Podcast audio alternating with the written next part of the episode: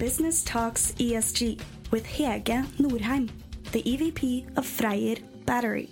Welcome to the podcast by the Norwegian Polytechnic Society, talking environmental, social, and governance matters. Global experts with their business shoes on. Today, I am talking to Pippa Howard, Chief Nature Strategist at NatureMetrics, talking from Cambridge in the UK. And we will be talking about how businesses can manage within Earth's limits. Welcome, Pippa. Oh, hi, Hege. Great to be with you. So let's start with the term Earth limits, Pippa. How do, what do we know about the Earth's limits? Ah, oh, Hege, well, we need to think of the planet as a, an interconnected system where sustainable development needs to go hand in hand with deep respect for the capacity of the Earth systems, really, and the limits to these systems. And we can't think of the kind of big issues we're probably a little bit familiar with of climate change, but also of other things like nature and water and people, our agricultural production systems, our energy production, mining or manufacturing. We can't think of any of these in isolation of each other. Um, each is really interdependent, so they're dependent on each other. And then, if you cast back a little bit to, I think it was around 2009, there was a director, uh, Johan Rockström from the Stockholm Institute, who led a, a group of 28 uh, really smart scientists who identified a bunch of processes that regulate the stability and the resilience of our Earth system. And these have become known as a sort of planetary boundary systems.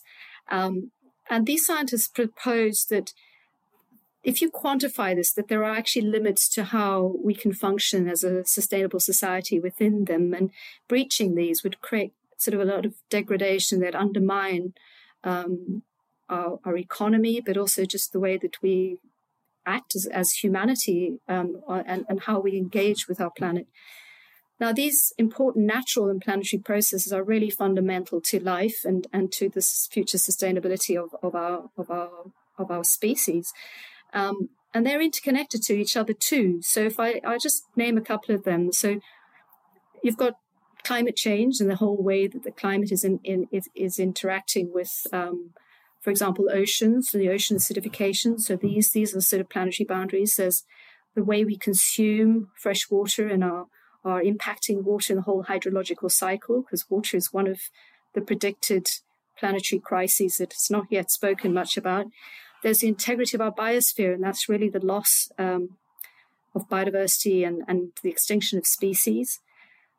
There's another whole system which is really around how we use land and, and the loss of ecosystem services, the, the depletion of productivity of our soils, the, the way we're polluting our systems. So, you know, we're putting there's a whole imbalance on the biogeochemistry of, of our of our system. So how we regulate carbon and nitrogen and phosphorus and things that are helping to maintain life on Earth.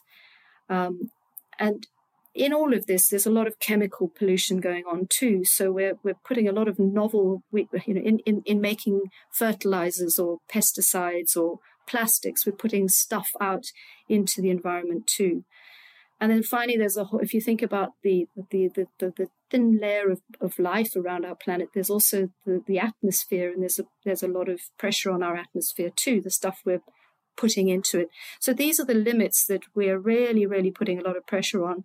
And if you look at the most recent report that's come from the Stockholm Institute, it tells us that we are losing biodiversity faster than ever before. We've lost 68% of biodiversity lots of land use change. We've got the climate crisis, and we've got a huge problem with pollution and contaminated contamination. So we've breached already a number of those limits to our to our planet. Um, there's been a lot of reports over the last couple of years in particular which are highlighting these issues.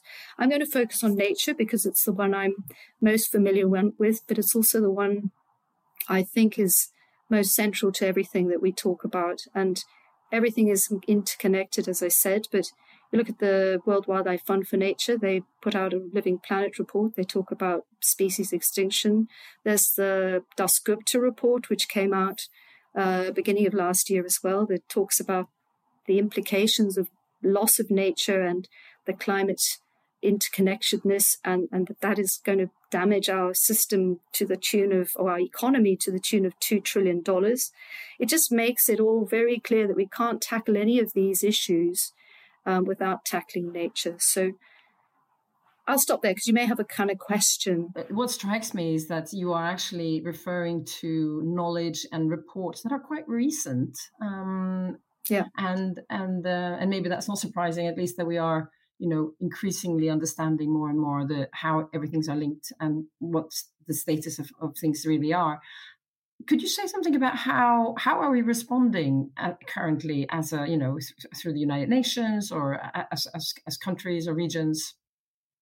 Yeah, that's a great question. So, you know, I think we started to see the writing on the wall at the turn of the century. So, you know, this is when the Stockholm Institute and, and the likes became sort of really quite concerned. So, the United Nations started to put in place um, the Millennium Development Goals. There were the Sustainable Development Goals that followed on there. There's 17 of those, and they deal with a number of issues, everything from sort of alleviating human poverty to you know gender equality, but very much focusing on the the the crises of planet of of of, of ocean crisis, the loss of biodiversity, um, and the climate crisis. Um, so so the UN then to respond to those goals set up a bunch of conventions, and those conventions are really sort of the working parties, which are um, um, attended to and, uh, and have a, a, broad membership across uh, the nations of the world. So not all of them are signatory, which is a problem because you've got big countries like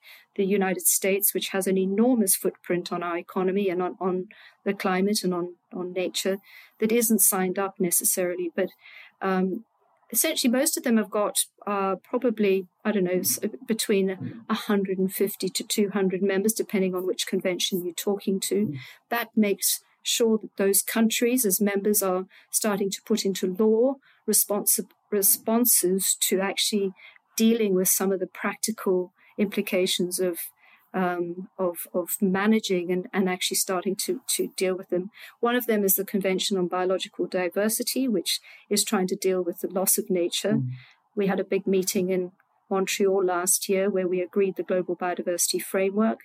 Um, that set out four important goals, which really are to tackle uh, the loss of biodiversity, to reverse the, the loss, to, and to actually recover biodiversity by 2030. It's termed the 30 by 30 targets.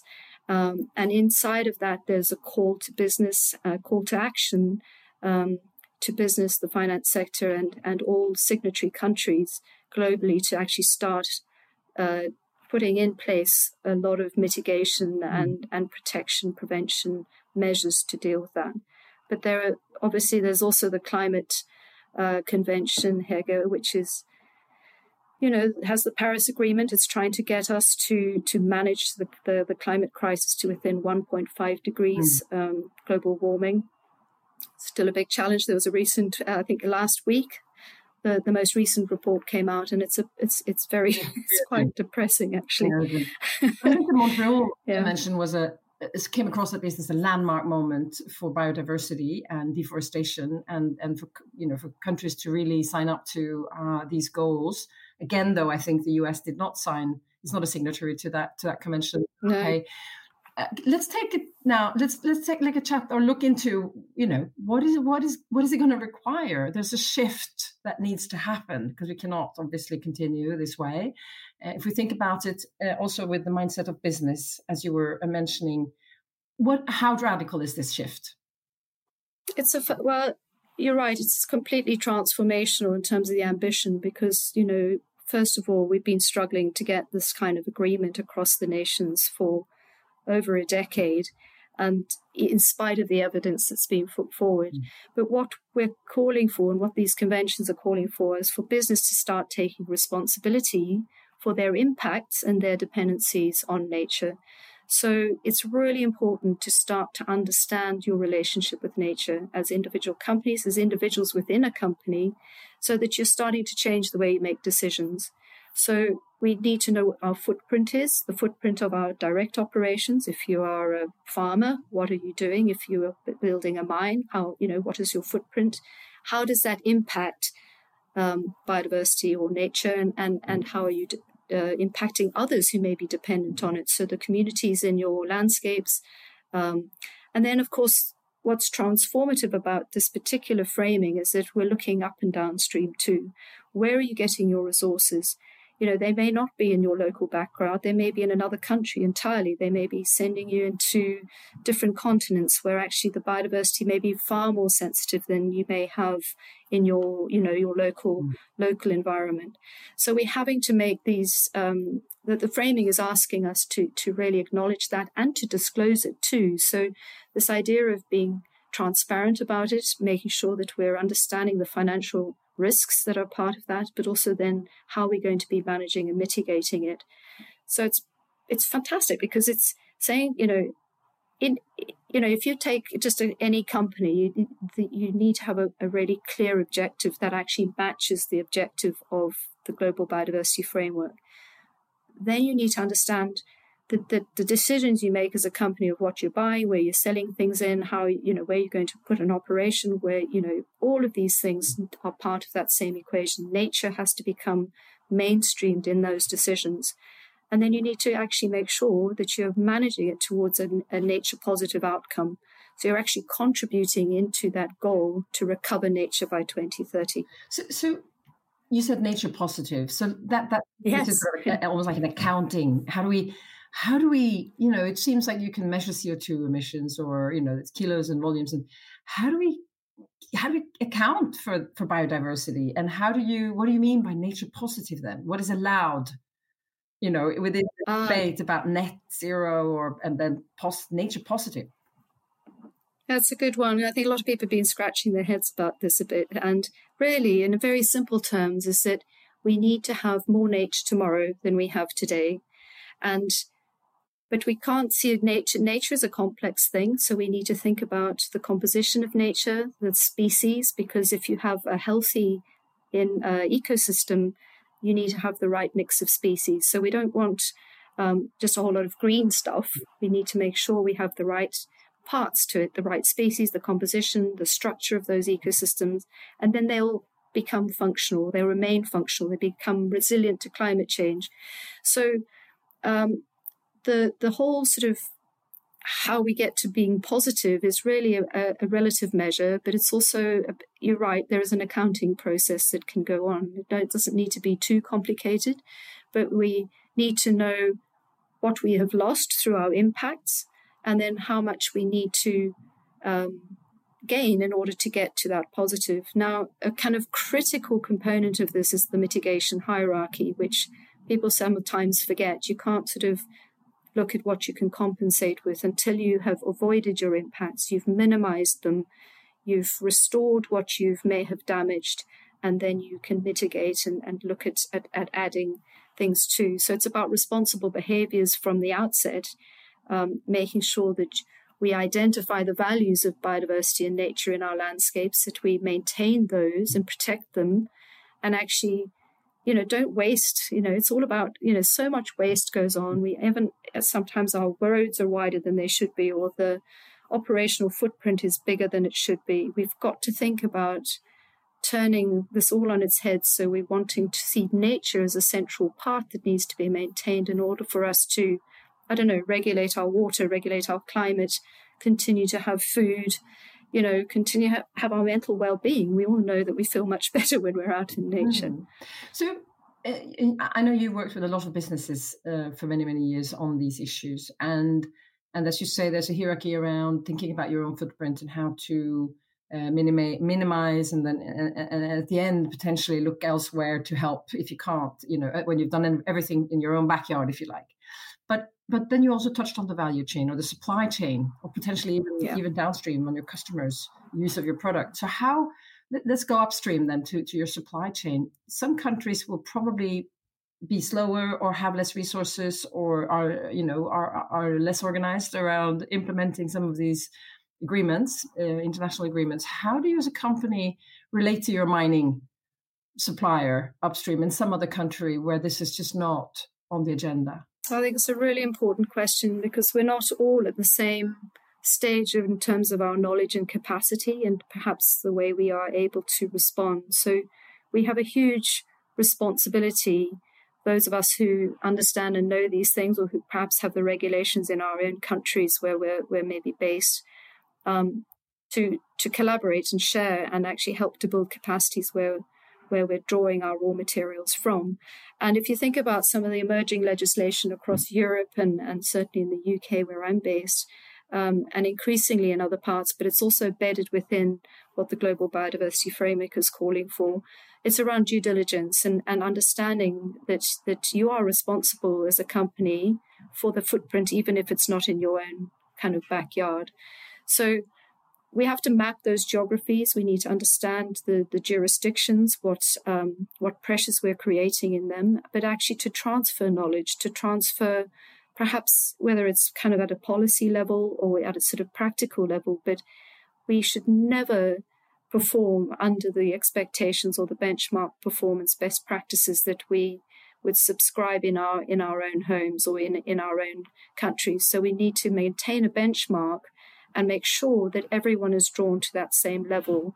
Um, you know, regardless of where they are, it's there's no excuse to sort of say, "I'm going to get my my um, you know maybe a mineral commodity it might be forestry commodity or a sort of getting soy from somewhere we have to make sure that we are doing it in the most responsible way because it's cascades and um, we are a global we are we are globalized now yeah. as humans you know our footprint is global um, and i think you know it used to be said that ah oh, you know nature is just everything in our backyard and it's only you know we can we we certainly can't offset anything outside of a country. We have to be like for like. There are lots of rules that determine how you account for that, but you know, our footprints are definitely global, and so we have to make sure that we are helping those who may not be as far ahead as we we we are um, to do the best yeah, they can do. It's going to be very interesting and this is of course very much i feel introduced in the climate space and as as you've mm-hmm. often spoken about you know deforestation obviously has an impact on climate and on biodiversity and on water. So you know, so these things actually come together, and it's great from you know from a regulatory perspective as well. So that this is now being addressed as well. Um, Pippa, let's let's let's say we talk 30 years from now. Maybe maybe not. We don't have to go that far down the road. 30 years from now, 20 years from now, are you optimist? Uh, you know, I'm a born optimist. Uh, I think I have to be, given what I do. Um, no, but also, you know, I think there are solutions. You know, we're very creative as a species.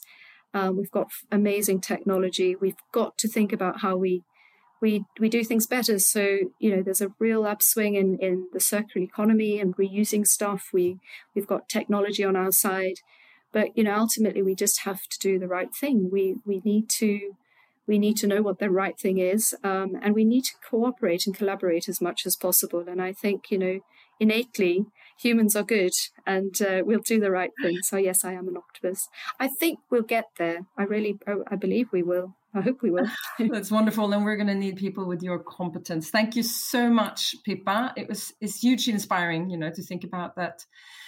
We in the future will uh, will be living sustainably with Earth and its fantastic natural solutions. So this is Hege Norheim, who has just spoken to Pippa Howard, Chief Nature Strategist at NatureMetrics in the UK. Have a continuously great day, all of you out there listening to us. Thank you for listening to Business Talks ESG from the Norwegian Polytechnic Society. Business talks, and so do your actions. Make sure to subscribe to the podcast and follow us at Polyteknisk on all our platforms.